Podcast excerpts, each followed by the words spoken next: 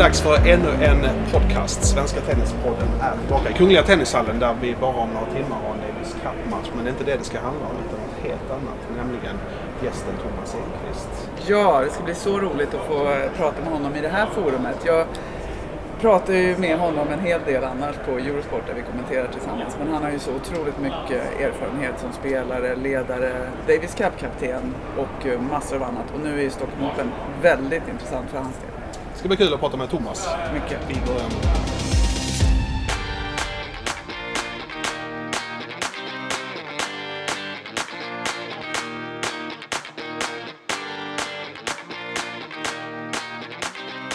Ja, välkommen hem till Stockholm Thomas. Ja, tack så jättemycket. Och välkommen Maria. Tack.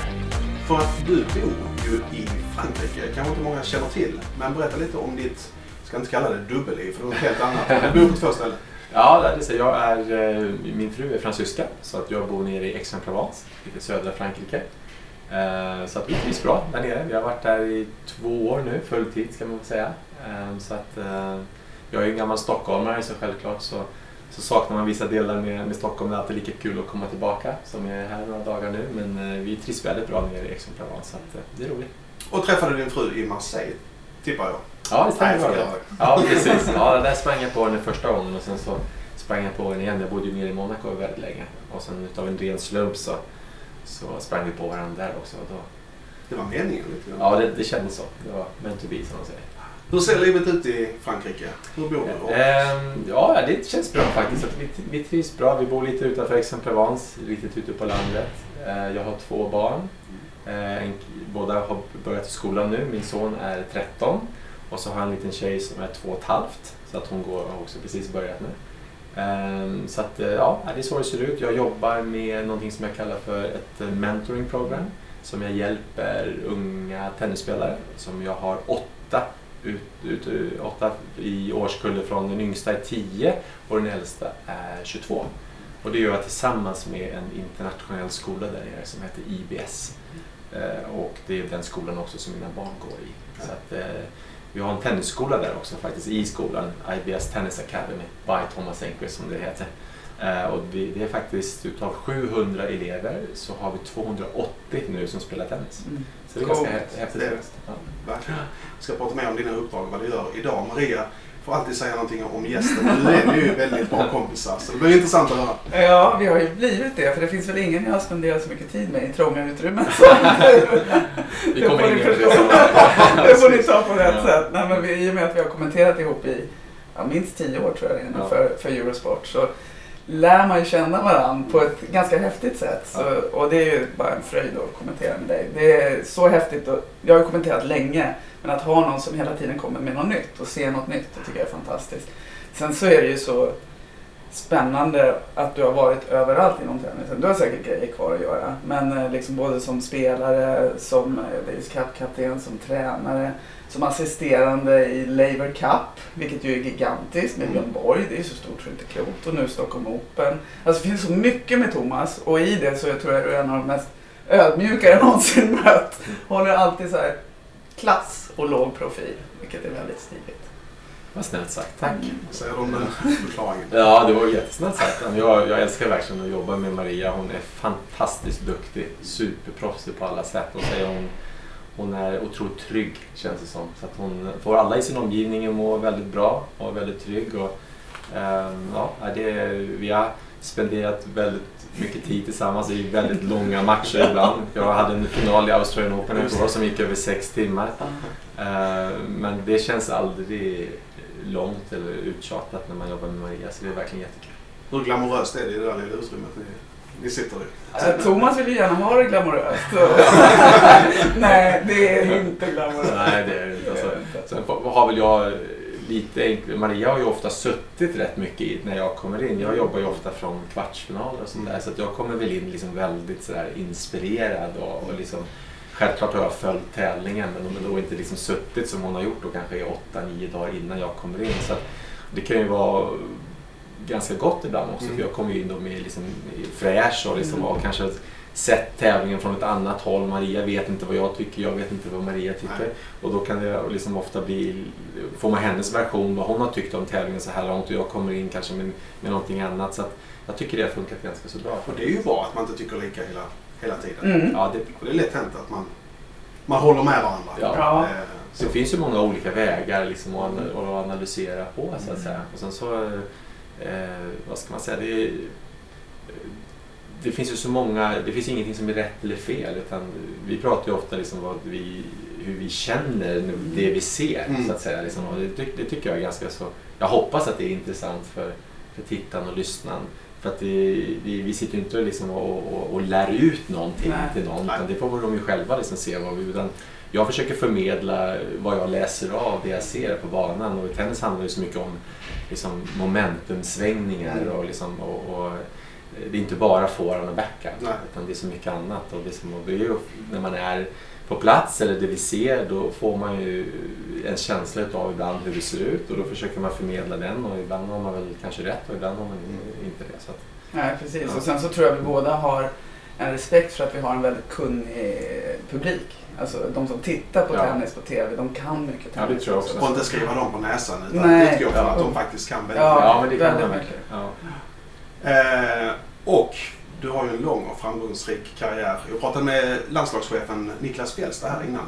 Vem är egentligen Sveriges bästa spelare, alltså nummer fyra efter de tre? För där är det svårt att slå sig in. Och då säger han direkt, ja Thomas Enqvist. Då har vi ändå Magnus Norman som har varit världstvåa och, och så vidare. Vad säger du Maria? Ja, men det där är så svårt tycker jag. För vi har Thomas Johansson som har vunnit en Grand Slam. Men jag, jag har ju fått den frågan många gånger. Tidningar vill ju alltid göra listor, listor. Mm. Och jag håller ju Thomas där uppe som fjärde spelare liksom, med så många meriter och så lång stadig karriär trots en hel del skador faktiskt. Men absolut. Och kanske ta det på rätt sätt, men kanske den som har fått minst uppmärksamhet just med alla meriter, eh, tycker jag. Så jag håller Thomas där uppe som fyra. Jag tycker det är svårt med listor. Ja, men det, Det är jättesvårt. Jag ser väl på lite grann att det kanske är så för alla. Jag, det är alltid, jag kan förstå, för jag, jag tycker det är roligt att lyssna på en sån konversation när det kommer till hockeyspelare. Ja, så jag säger inte att det är fel att ha en sån konversation, men när man är i det så att säga, då känns den listan ganska så oväsentlig. Mm. Liksom.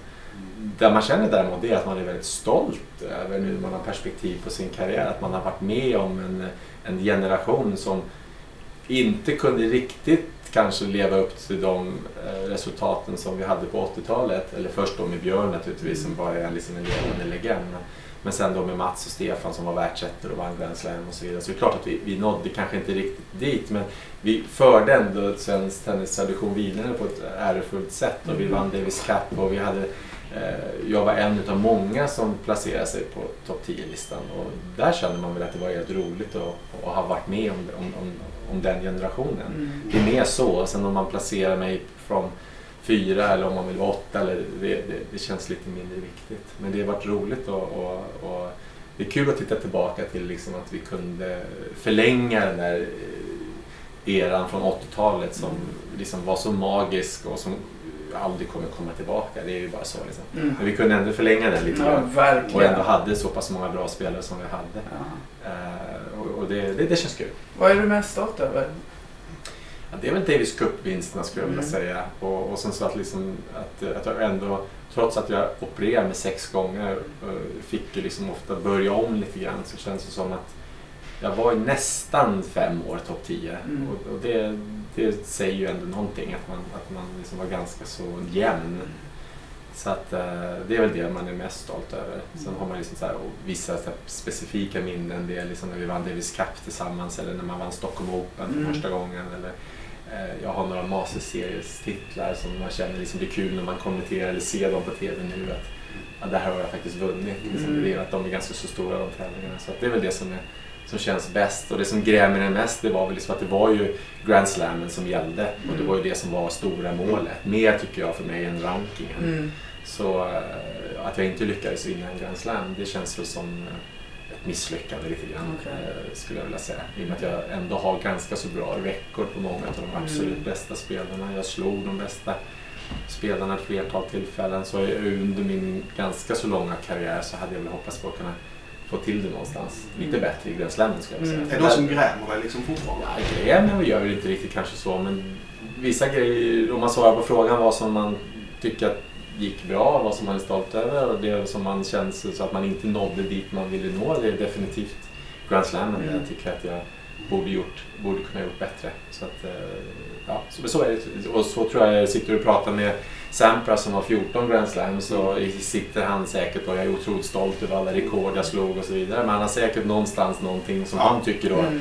jag vann inte Paris eller liksom, fast det är på en helt annan nivå. Det tror jag vi kan, vi kan nog hitta på alla olika nivåer. Mm. Att man liksom är glad över vad man nådde det delmålet men kände sig besviken över att man inte nådde dit eh, man ville. För alla vill väl ha liksom mer. Mm. det är så. Så är det ju. Eh, vi står här och tittar ut över eh, Davis Cup-skrudade Kungliga Tennishallen. Det är en match här ska vi säga om bara några timmar när vi spelar in den här podden. Som ni kommer att se lite senare så det kommer inte handla så mycket om precis den här matchen. Men dina minnen, för du har både varit spelare under många år och coach, kapten. Ja, Vilka det- är dina största DC-minnen? Alltså det är så många. Och är, när man tänker tillbaka på sin karriär så är det ofta DC-minnena som är starkast. Och det var så otroligt roligt att spela Davis Cup. Eh, och vi hade ett otroligt härligt gäng. Vilka var de? Ja, det var, vi har ju Niklas Kulte, Micke Tillström, Magnus Larsson, Magnus Gustafsson, eh, Magnus Nomas, Thomas Johansson, Vince Guerra. Mm. Eh, Jag, hade, jag spelade faktiskt med Mats Welander och Stefan i min debut. Var, då hade vi Mats och Stefan i laget. Ja, Superhäftigt. häftigt. Eh, och sen hade jag också Mats som kapten, Kalle Hageskog som kapten. Eh, jag har säkert glömt massor med spelare men liksom, vi, vi var så otroligt många och hade så otroligt eh, bra lagkänsla. Eh, det var ju en enorm konkurrens om platserna naturligtvis och ibland var man besviken att man inte fick spela för att eh, det var mer på den nivån. Nu kan det ibland kännas liksom att tack snälla att de ställer upp i Davis Cup medan att vi gjorde allt för att spela Davis Cupen och blev besviken naturligtvis när man inte blev Mm. uttagen. Mm. Även fast eh, fair enough, man Mm. var just då under den matchen inte tillräckligt eh, bra för spelare för så tuff var konkurrensen. Så att, eh, men nästan de flesta roligaste minnena från min karriär är från Davis Cup. Mm. Och hur var det att bli kapten sen? Ja, det kändes väldigt ärorikt på något sätt när man fick tillfrågan. Eh, så att det, var, det var väldigt, väldigt kul också. Det, det, det är en helt annan grej kände jag, liksom, att, vara, att vara kapten. Det var det är ganska stor skillnad att vara eh, en del i laget eller att liksom vara den som är ansvarig för laget. Men det var lärorikt och kul på många sätt. Vi hade, tycker jag, en väldigt bra chans ett år. Eh, då vi hade Robin som var i väldigt bra form var liksom i, i, sin, i sin peak. Och vi fick tillbaka både Vince Sugera och Pimping Just det. just under det året. Men tyvärr så vart, eh, hade vi lite komplikationer i matchen i- i andra omgången i Serbien. Mm. Eh, Så att eh, då, då vi tyvärr inte kunde spela med det bästa laget. Men jag tror att det året hade vi faktiskt haft chans. Om vi hade fått spela med, med, med fullt lag hela det året. I och med att vi hade också då Robban och eh, Simon som Ja, var precis. i deras peak utav karriären. Så vi hade ju dubbelpar i världsklass också. Det var den i Halmstad? Det var den Ja, här just det. Och då hade vi faktiskt haft en väldigt, väldigt bra chans. Men, sen var vi ju i en väldigt hög division fortfarande då. Mm. Så att, och då när inte de spelarna kunde spela, och det är inget ont om de spelarna som spelade för de presterade jätte, jättebra. Mm. Mm. Men det var kanske inte riktigt deras forum att spela i World Division då. Mm. Och nu är, vi, nu är det ju nytt format och vi är ju där. Vi är ju en match ifrån. Och nu är det Robin Söderling. Vad tänkte Ja. du när han tog över? Jag tycker det är jättekul. Jag tycker det är otroligt kul. Alltså, så fort jag tycker att vi får de här eh, Robin Söderling, världsstjärnorna som vi har haft. Att de liksom the player. engagera sig i svensk tennis är hur positivt som helst. Och, och, och Robin är ju vår senaste världsstjärna som tyvärr fick en alldeles för kort karriär. Mm. Jag hade varit övertygad om att om han hade fått vara, vara frisk att han hade varit där uppe fortfarande. Så, Mm. pass, så pass bra är han. Han var ju faktiskt en av de få spelarna som fa- faktiskt kunde mäta sig med Mm. Nadal, Federer och, och Djokovic. Han hade ju haft en helt han hade en fantastisk karriär men han hade ju haft en enorm karriär Mm. om han hade fått fortsätta spela. Så jag tycker det är kul att se att, att, eh, att, liksom, att Robin är tillbaka i, i tennisen. Nu är han involverad naturligtvis med, med, med sina bollar och sitt, och sitt märke. Och, men också att han är tillbaka också så här på och, som kapten för Davis Cup är ju naturligtvis ett otroligt lyft tycker jag för, för de killarna som är i laget på alla sätt. Mm. Det är ju fortfarande de tre världsstjärnorna idag som när han slutade som ligger där uppe 1, 2, 3. Vem av dagens spelare skulle du jämföra med Robin? Av de som är lite yngre? Och... Ja, det är svårt att göra det. Jag tycker det, om jag, och, och, för man ska vara ärlig tycker jag. Det, och det är ingen som är tycker jag, lika bra som mm. Robin just nu. Så Robin var ju extremt bra extremt tidigt. Jag mötte Robin på den här banan vi står precis jämte här när han var 17 år i Stockholm Open och då var jag ändå, det var väl det året jag vann kanske till och med. Hur som helst, jag var liksom etablerad och spelade bra. Jag mötte han i, i, när han var bara 17 och han var hur bra som helst mm. Liksom. Så att han var ju exceptionell på många sätt. Uh, så att uh, just nu så har vi väl inte någon som som jag liksom kanske ser den potentialen i. Men det betyder ju inte att, att inte utspelarna kan fortsätta utvecklas. Uh, så att, uh, det får vi ju hoppas. Men det tar lite längre tid idag också. Det ska man mm. ha klart för sig. Så är det Vi ska prata lite om Stockholm Open. Eh, jag ska bara säga att jag har en liten minnesbild av Thomas. Jag jobbade på Helsingborgs Dagblad. Vi hade tv-sändning. Och så tänker jag, nu kommer snart DC-kaptenen i, i sina kanske lite för stora vita overalls. Ja. Nu kommer en Rattle Hum U2 t-shirt. Det var väldigt avslappnat. Så ja. Det var inte så noga på den tiden. Nej, precis. Alltså, jag idag, men det är alltid när jag träffar Maria så sätter jag alltid på alltså. ja.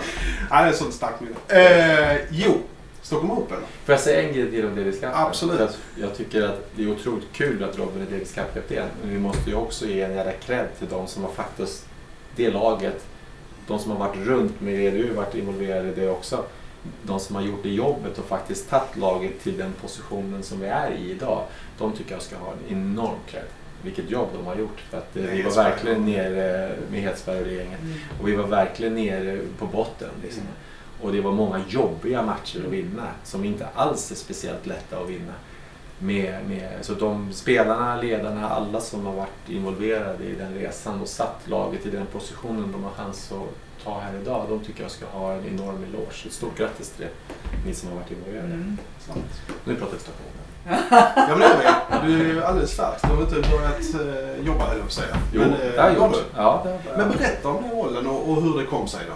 Ja, jag fick ett... Eh, ja, jag blev tillfrågad helt enkelt. Det är ju en ny operatör då i år mm. som har tagit över eh, Stockholm Open som heter SPG Event. Eh, som har massvis med olika event under året och är väldigt skickliga på event men de har inte gjort någonting inom sporten. Så att jag antar att de kände att de behövde någon som hade lite tennisbakgrund och frågade mig om jag ville ta den rollen. Så jag är turneringsdirektör som det heter så fint. Mm. Eh, och min, mitt jobb är ju att eh, se till att vi får ett väldigt, väldigt intressant och roligt startfält. Mm. Och det har jag jobbat med ganska länge nu faktiskt. Alltså, det, tar, det är någonting man får vara ute i väldigt ja, god tid. Okay. Spelarna, speciellt de bästa spelarna, lägger sina scheman väldigt, väldigt tidigt. Så att där måste du vara med från början. Så att, mm. Eh, jag jobbar hårt på det. Jag hoppas att snart ska vi ha en bomb att släppa. Är det så? Ja, jag hoppas det. Vi, vi är ganska nära med en, med en en, en väldigt intressant spelare så jag hoppas att eventuellt kanske kunna släppa henne snart. Ja, för det, det senaste åren har man ju pratat om ja, men eh, Nadal kommer ju till Båstad och sluter cirkeln. Eller Federer kommer hit igen och vinner i Stockholm. är det på den nivån? Eller? Ja, nu försöker du fiska här vet du. Han är grym journalist. precis, precis. Men äh, jag säger ingenting. Men däremot så säger jag att, äh, att äh, jag hoppas och tror att vi kommer få ett väldigt intressant start. Oj, oj. Ja, så här är han. Garbo kallar vi honom. Ja. Han bara, ja, jag bara smyger. jag säger ingenting. Funkar dåligt i en podd. Men... Äh, Kul att du var här. Ja, precis. Tack Thomas. Vi har ju en oerhört populär spelare, Dennis Chapovalov, ja. som vann här i fjol. Tsitsipas året innan. Ja. Eh, får vi se någon av dem här? Ja, men jag hoppas jag. Håller, jag helt ärligt talat så har jag haft dialog med otroligt många spelare. Mm. Och sen så är det många pusselbitar som ska hamna på plats. Eh, dels ska det passa in i deras schema. Mm. Eh, dels är det alltid en finansiell del som ska finnas på plats. Eh, och så vidare. Så det är också viktigt att man känner att man, att man väljer rätt typ av startfält också. Så att det blir en bra mix på allting så att säga. Och så har man naturligtvis en budget att jobba med. Så man kan liksom inte, även fast man vill kanske ha alla de här spelarna så får man naturligtvis försöka göra så pass bra val som möjligt och, och, och det, det ligger på mitt ansvar. Så Mm. att, eh, men det känns som att jag har haft en väldigt bra dialog med väldigt många spelare. Det är också en fördel för mig som känner alla Mm. spelarna och Ja. deras manager väldigt väl. Så att, eh, och det är också man kan jobba på lite längre sikt också. Man kan inte alltid att man kanske får dit den spelaren i år men man kanske kan börja en dialog. Och, För det är ändå lite så man får jobba med de Mm. allra största namnen för att det, är så det funkar. Mm. Att de är så pass attraktiva och de lägger sin plan så pass långt i förväg att du, att du hela tiden måste ha en dialog med dem. Så att, Det känns som du lägger väldigt mycket tid på detta. Vilka är uppdragen i övrigt? Och hur hinner du med? Ja, nej, men det är det som, som jag tar upp väldigt mycket tid faktiskt. Och så, så har jag det där mentoringprogrammet i, där jag bor nere i Exum-Provence. Men Som du gör helt ideellt. Som jag gör, eh, ja, både ja och nej ska jag vilja säga. Vissa delar ja och vissa delar nej. Eh, Men det är någonting som jag tycker är väldigt roligt faktiskt. Att göra. Ehm, Och det tar ganska mycket tid också. Eh, Och sen så jobbar jag med, med Maria på Eurosport. Under Grand Slammen har det varit mest, fast i år också har ju vår arbetsgivare Discover, Eurosport, eh, också fått rättigheterna till massvis med tennis. Mm. Så att eh, jag kommer få chansen att jobba med Maria lite mer i år, vilket är jättekul. Det är det du Ja. håller på med idag. Ja. Det, är, det räcker att bli över. Ja. Jag kan tänka mig att det här, men Laver Cup kör du vidare med också? Ja, för, absolut. Och så, Mm. Dels så, så har jag och Björn, eller Björn och jag skulle jag vilja säga, för jag är ju assisterande till Björn, eh, ett år kvar här så vi kommer göra året i Boston också i år som blir otroligt kul. Mm. Det har varit en helt otrolig upplevelse faktiskt att få ta del av det. Eh, Björn Borg för mig är ju liksom en levande legend. Mm. Anledningen till att man spelade tennis från början. Eh, och, och jag kommer ihåg som det var igår första gången jag faktiskt spelade med han. Jag var 14 år gammal. Så att, och sen, I vilket sammanhang? ja, det var faktiskt Percy Rosberg som ringde till mig och frågade om jag ville spela med Björn dagen efter. Liksom, på Saltkallen.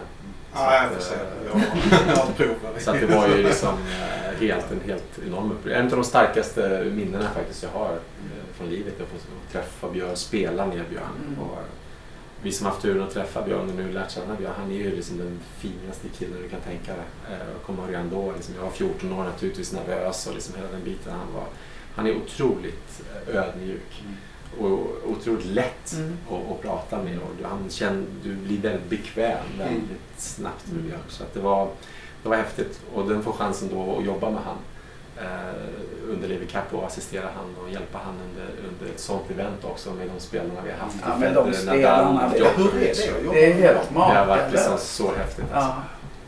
Ja, det är, jag har faktiskt bara positiva grejer att säga och det är riktigt ärligt. Det, det, de är otroligt eh, hjälpsamma, Mm. superproffsiga. Mm. Eh, vet precis vad, liksom, hur de ska komma tillsammans och Mm. jobba ihop. Och, och, eh, även fast de har liksom, jag kan bara tänka mig rivaliteten mellan dem. Liksom. Mm. Är, de har ju mötts så många gånger, de Mm. slåss om samma rekord och så vidare. De är mega superstars verkligen liksom, överallt men liksom, är väldigt likadant där. Enkla att ha att göra med. De kommer, de tycker det är jävligt roligt, så märker man. Alltså, de gediget tycker det är kul att, göra den här grejen tillsammans. Och, och, eh, nej, det har varit en häftig upplevelse faktiskt.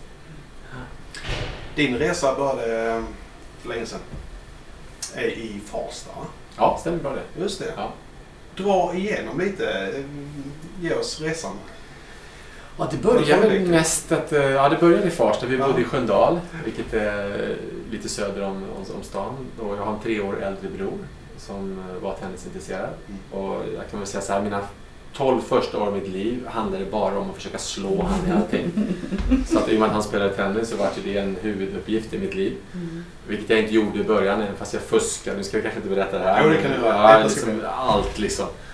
Eh, var väldigt dålig förlorare. Eh, men min bror var fantastisk på det sättet att han alltid tog med mig. Och det är ju inte många som är tre år äldre som gör det. Utan jag spelade alltid med hans kompisar, jag spelade i hans fotbollslag, jag spelade i hans tennisgrupp. Han liksom alltid tog med mig. Eh, och liksom, jag tränade lika mycket som, som, som han gjorde. Mm. Och så hade min, vår pappa, Folke, eh, tog hand om en liten bana i Sköndal. Där vi var ganska aktiva satt och väntade tills det var ledigt och så kunde man hoppa in och spela. Och hela somrarna så spelade vi från morgon till kväll egentligen. Ja. Det var två banor, det kommer jag ihåg, hos mormor och morfar. Som två perfekta grusbanor som låg. Och där kom ju ofta folk och spelade på eftermiddagarna. Mm. Men eh, vi var ju där liksom när solen gick upp. Så, så spelade man tills någon kom. Ja. Och så hade de banan och då gick man ut och så väntade man. Och sen när man spelat färdigt då hoppade man in igen. Så att vi, var ju, det var ju, vi spenderade hela sommaren egentligen på Ja. banan. Och det var från du var liksom Ja, liten, liten. riktigt, riktigt. Ja. Så att, ja, det var där tennisintresset föddes. Mm. Och sen så när, vi var, när jag var tio var det väl så flyttade vi ut till Tyresö. Mm. Eh, och då hamnade jag i Trollbäckens tennisklubb. Vilket då var, och säkert är jag fortfarande också, en väldigt, väldigt bra tennisklubb. Mm, väldigt Och stark utvecklades klubb, ja. Otroligt. Väldigt många duktiga spelare redan där. Duktiga tränare. Mm. En bra elitsatsning. Mm. Eh, så hade jätteflyt liksom. Hamnade någonstans Mm. där liksom jag, jag verkligen kunde utvecklas. Mm. Så att, eh, ja, på den, på den vägen. Fortfarande väldigt bra juniorverksamhet. Ja, ja. Vilka betydde mycket för dig på den tiden? Skulle du säga? Under Eh, förutom då min pappa Folke och Tobbe, Torbjörn och min, min eh, bror, det var väl de som verkligen, det var det jag spelade mest med och det var ju därför jag började spela. Liksom. Så har jag liksom, det var den här Björn Borg-eran där tennisen var det största. Mm. Jag, både jag och min brorsa var så här idrottsfanatiker. Liksom. Eh, och var ju ganska så duktig i idrott. Eh, vi höll ju på med allt liksom. Så var det ju tennis på den tiden som var coolast. Liksom. Ja. Mm. Björn var ju coolast Mm. i, i världen. Liksom. Mm. Du, det blev ju att då ville du spela tennis. Mm. Eh, så att det, var, det vägde alltid över lite till tennis även fast jag spelade massor med fotboll och Mm. bandy och, och handboll och basket och friidrott och jag vet inte, jag höll på med allt. Eh, så var det med tennisen som var det alla ville göra. Liksom. Och sen så som första tränare Bernt Lundahl som var väldigt eh, eh, tidig kan man säga i teknik. Väldigt roligt. Mm. Min pappa hade sparat en gammal krönika. Han var otroligt tech, det var ju som millimetervinklar. Liksom, Ja, så, ja. så att eh, även fast min pappa sa ibland när han gick in lite för mycket så, här, så vände jag ryggen om och började slå mot väggen istället för jag tyckte liksom att jag behövde komma igång. Men vad sagt det så var han också, om man tittar på en sån, det var inte alls så länge sedan faktiskt jag tittade på en sån artikel som han skrev. Mm. Så var det ju liksom den tekniken man använder idag. Mm. Vilket är lite häftigt. Ja. Med liksom eh, open stance när du blir pressad ute på forehand med axelvridning, med rotation i underarmen, med, med liksom det här eh, som faktiskt eh, man spelar med idag. Mm. Så att, eh, Det han var håller. ganska tidig. Liksom. Så att han och så, så naturligtvis Lars Handberg som vart en, en, han och Bernt Lundahl de var väldigt tajta och Lasse var ju yngre, väldigt duktig spelare själv eh, och jobbar i Trollbäcken också då, med Mm. mig länge. Så att han eh, förde ju över liksom Bernts kunskaper på mig kanske på ett lite mer idrottsligt sätt. Lite mindre liksom vinkel och, Mm. och liksom mer idrott som var ett roligt sätt för en ung spelare som jag som ville spela mycket. Mm. Och så får jag naturligtvis nämna Micke Strippla också, som redan var på plats Mm. i Trollbäcken. Eh, och hade naturligtvis, i och med att han är en väldigt god vän i familjen också, Mm. eh, redan från Sköndalstiden på den här banan när Micke och hans brorsa Janne Mm. eh, var ju min och min brors stora idoler. Mm. För de var ju jätteduktiga på att spela tennis och när de kom och spelade på den här banan så var det liksom, det var ju guld värt att sitta och titta på dem. Eller, Mm. Jag fick ta Mickes rack och gick runt och släpa på det lite grann för det var för tungt för mig att lyfta upp. Men han var alltid schysst och fick låna det. Så det, liksom, det var ju trärack på den tiden. Så det var ju liksom ett avskalat ute på toppen där. Men jag fick, jag fick alltid hålla och gå runt med hans rack. Liksom. Det är ju verkligen Så att, eh, ja, verkligen. Alltså. Så att, ehm, och Micke följde ju sen med. Uh, Micke Strippler följde ju liksom med i hela min karriär. Mm. Så, Ja, han gjorde ju det. ja, så, Och reste med dig. och reste med mig en lång tid och även den, på den tiden jag jobbade med, med Jocke Nyström så var Micke också med i, bakgrunden Mm. hemma och, Mm. och vi hade alltid en väldigt nära kontakt. Mm. Så att, eh, absolut och även Joakim Nyström naturligtvis som jag reste tillsammans med i sju år faktiskt. Mm. Var så. Så också, sen det var ju mer när jag blev, blev eh, proffs. Mm. Ja. min, minns du det där steget från junior till... eh, Det var inte så dramatiskt för dig för du började ju spela tidigt som säger. Det gick ganska så snabbt var det. Så att eh, på den, igen, det är också ett namn som jag definitivt måste eh, nämna och tacka framför allt skulle jag vilja säga. De fortsatte ju den här teamandan lite grann. De hade ju väldigt bra success med Team Siab och så Mm. vidare. Så att när jag hamnade och blev 16 ungefär så började jag spela ITFer. Eh, och eh, hamnade i ett team eh, som hette Team Beckers. Ja. Där två redan väldigt etablerade spelare, Niklas Gult och Magnus Larsson, som Mm. redan, om jag minns rätt, de var runt de var topp 100 helt klart, kanske till och med topp, runt topp 50 kanske. Men de, var, de spelade redan på touren. Mm. Eh, som var eh, jätteduktig och engagerad tränare som heter Martin Bohm. Som jag hade i två år och reste med det teamet. Och jag kan helt ärligt säga att hade jag inte hamnat där så tror jag inte mitt steg från junior till senior hade gått lika lätt. Mm. Utan liksom dagligen få spela då med Magnus och Niklas var ju liksom guld värt. Mm. Eh, Och, liksom, och sen så Martin som, som, som hade en enorm brinnande kraft. Ja, så och engagerad. Liksom, så engagerad. Mm. Och, och var perfekt i den åldern man var i där också. Att ha en sån stark profil som tränare. Så att det tog ju faktiskt bara ett år. I, inom mitt första år så var det redan typ 60 eller någonting i världen. Så att det gick ju väldigt, väldigt fort. Han dök upp i Båstad för ett par år sedan när Sverige mötte Nederländerna. Mm. Då var han Ja. ju tränare. Ja, han jobbar fortfarande i, Han i, i Holland som, Mm. som men, ja, har någon form av tjänst där för Mm. holländska förbundet, tror jag i alla fall. om jag minns- om jag uppfattar det. Jag tror han har varit involverad i både Davis Cup och Fed Cup faktiskt för. Ja. Ja. Men du, om vi... ehm, Den här karriären kan vi prata om hur länge som helst. Ja. Eller hur Det skulle man kunna göra. Det, det var ju så vi började med att säga. Du har ju varit på så många områden. Men hur minns du, om vi då ska snabbspola det här eh, bandet, när det börjar närma sig slutet? För det pratar vi mycket om här i podden också, när Ja. karriären tar slut. Ja. Hur minns du det där? Ja, Inget bra faktiskt om man ska vara det- Det kändes som att eh, jag gjorde en axeloperation två, december 2000. Jag hade haft en bra säsong men hela den hösten var det väldigt jobbigt. Det var, jag spelade någon match, fick ont. Det var hela tiden att man fick, eh, tog väldigt mycket fokus och kraft. Mm. Så att jag tog ett beslut av att operera min axel i eh, december 2000. Och även fast jag hade ett hyfsat år när jag väl kom tillbaka 2001. Eh, jag var i kvarten i Wimbledon bland annat. Jag tror att jag slutade runt 20 kanske någonting. Jag är inte helt säker på det. Men det var, det var helt okej okay år, Mm. men inte som de åren innan. Så var det som början till slutet lite grann. Jag blev aldrig den samma spelare. Mitt Mm. spel byggde mycket på kraft. Mm. Jag var väldigt beroende av min serve.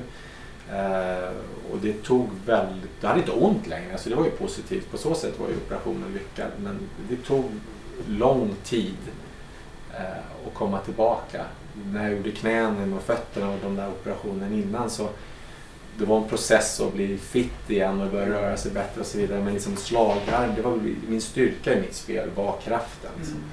Det var inte så mycket finlir liksom och sådär utan det var mer den. Och när man tog bort några procent, och det behöver inte vara mycket.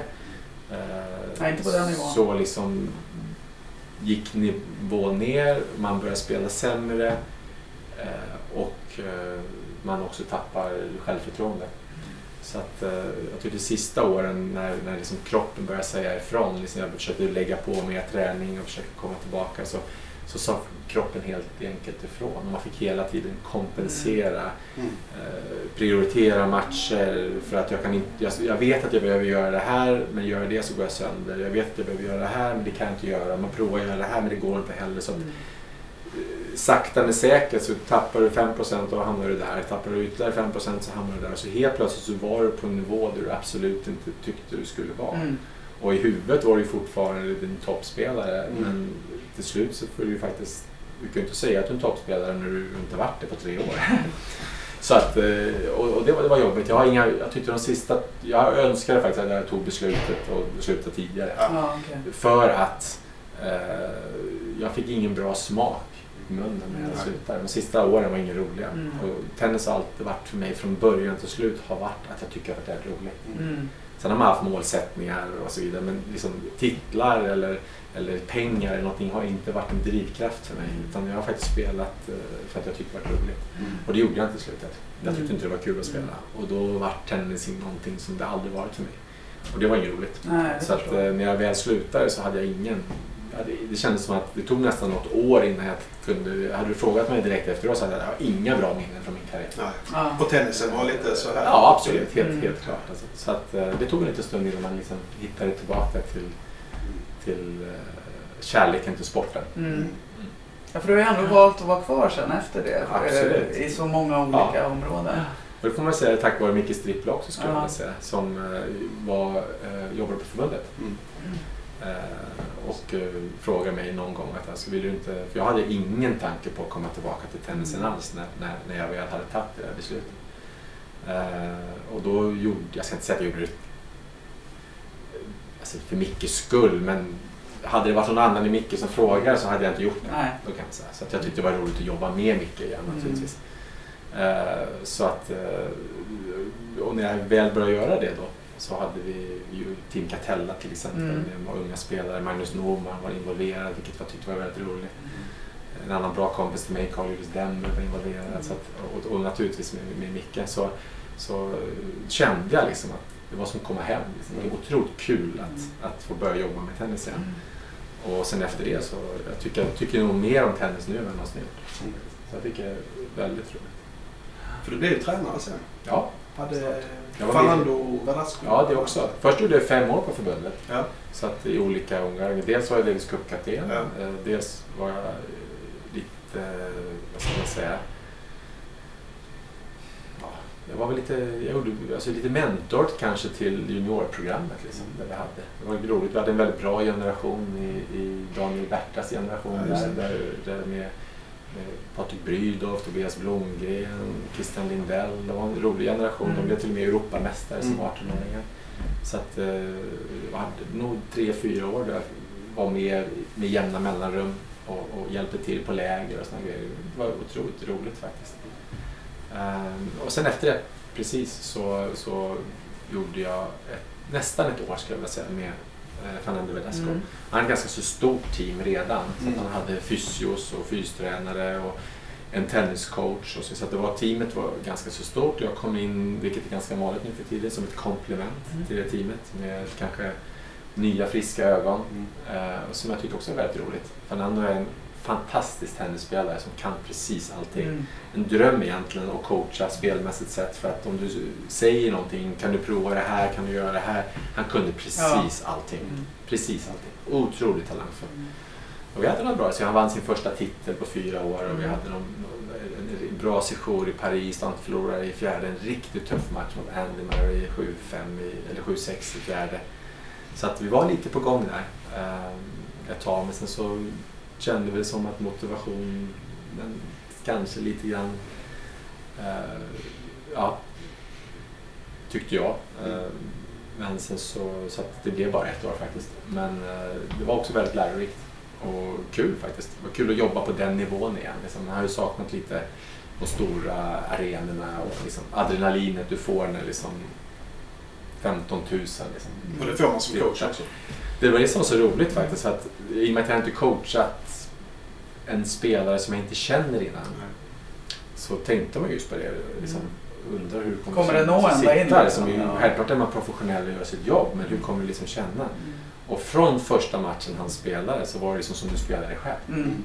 Det var, liksom, det var din spelare, det var du som Mm. spelade. Du var ja, mm, så nervös, så inne i det. Och lite får Ja, ja svar. absolut. Liksom. Och, och, det- och det var ju det som var så himla kul. Ja. Ja, Att liksom, att, då, då tävlar du igen. Mm. Och, eh, så att, eh, nej, det var häftigt faktiskt. Ja. Du måste få enormt många förfrågningar fortfarande liksom, från spelare. Att det händer faktiskt. Det är det. Enormt vet jag inte, men det händer. Mm. Att det gör, helt klart.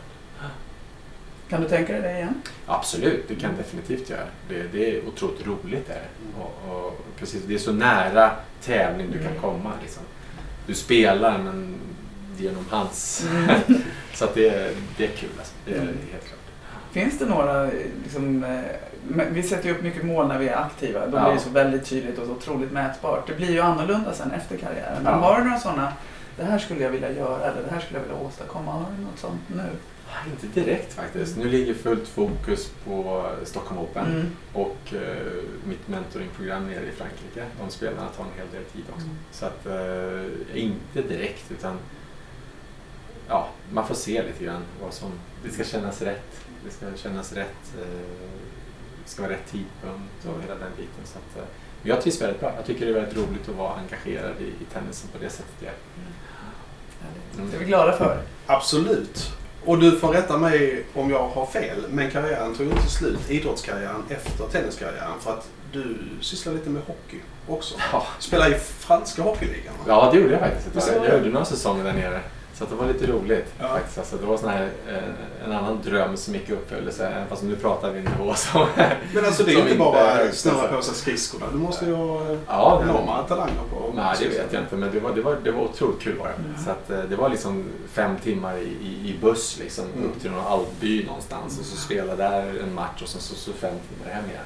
Hur kom det sig Det var så roligt. Nej, Jag halkade in på, banan, på ett bananskal faktiskt skulle jag säga. Jag var hockeyintresserad och det var någon som kände någon. Och min frus syster hade en kompis som spelade i ett hockeylag och på den kom jag in och åkte och testade någon gång. Och sen så, det var där vi började. Så att jag gjorde tre eller fyra säsonger. Herregud. Så eh, det var roligt. Ja, men och då, Ja. det säger en del. För jag tror ju du hade ju blivit bra, som du pratade om i början här, du höll på med allting. Du hade ju blivit bra i vilken idrott du hade valt, det är jag helt säker på. Så vi ska vara glada att du hamnade inom tennis. Mm. Det var ju så, du var ju grym både fotboll och hockey. Alltså, jag vet inte. Det kommer du aldrig Jag säga, jag vet. folk Jag, så därför säger jag det. Men eh, alltså, det var ju, man, man höll ju på med otroligt mycket idrott där. Och så var det, ju, det var ju mycket idrott liksom, på eget initiativ när vi växte upp. Det var mycket liksom gå ut eh, Spontant. spontant liksom. Och jag och min bror då igen gjorde otroligt mycket grejer. Och så, å- vi ordnade friidrottsturneringar. Och man åkte ner till den lokala fotbollsplanen och så, så var det matcher redan där. Och, liksom, och, så spelade vi ju lag och sånt också. Men det var, eh, det var ju det intresset man hade. Så att det var ju det man ville göra. Liksom. Det kändes ju inte som träning. Nej. Liksom, utan Det var lust, Ja, liksom. precis. Kul. Men du, din storebror då med det otroligt fina förnamnet. Han, hur stöttande var han liksom när, när, du, när det började gå bättre för dig? Ja, men han har alltid varit en otrolig stöttepelare. Verkligen. Alltså, dels från början att han alltid tog med mig. Det, tror jag, det är ganska ovanligt tror jag. Mm. Ofta är det liksom att lillebrorsan vill man inte ha med. Så att, eh, och sen så väldigt tidigt så, så, så var han liksom, han höll ju på Mm. väldigt länge också. Med tennisen? Ja, och gick på college i Ja. USA. Gjorde, spelade sina fyra år där för en skola och en duktig spelare. Är han involverad i tennisen? Nej, det är han inte. Utan han bor kvar i USA faktiskt jobbar. Så att, eh, men eh, nej, han har alltid varit otroligt eh, stöttande. Liksom, och, kan ju mycket tennis också. Så att det var ju alltid, han kom ganska ofta över och tittade på matcherna på helger och sånt där. När han, var i, när han, när han bodde i USA så kunde han, kunde han komma. När jobbar ni två igen nästa gång? Biscayne. Det är Miami. Ja, tack för att du berättade. Ja. Ja. Och då är det här i Stockholm? Eh, Då är det här i Stockholm. Vi kommenterar, jag tror jag kommenterar i Indian Wells och sen så jobbar vi tillsammans med Miami. Helt perfekt. Då ska vi gå ut och kolla på Davis Cup mellan Sverige och Chile. Stort tack Thomas Ja, för tack att så du mycket. kom Tack förbi. Tack. Tack Maria. Tack. Tack. Tack. Tack Maria. Tack. Och tack för att ni tittade och lyssnade.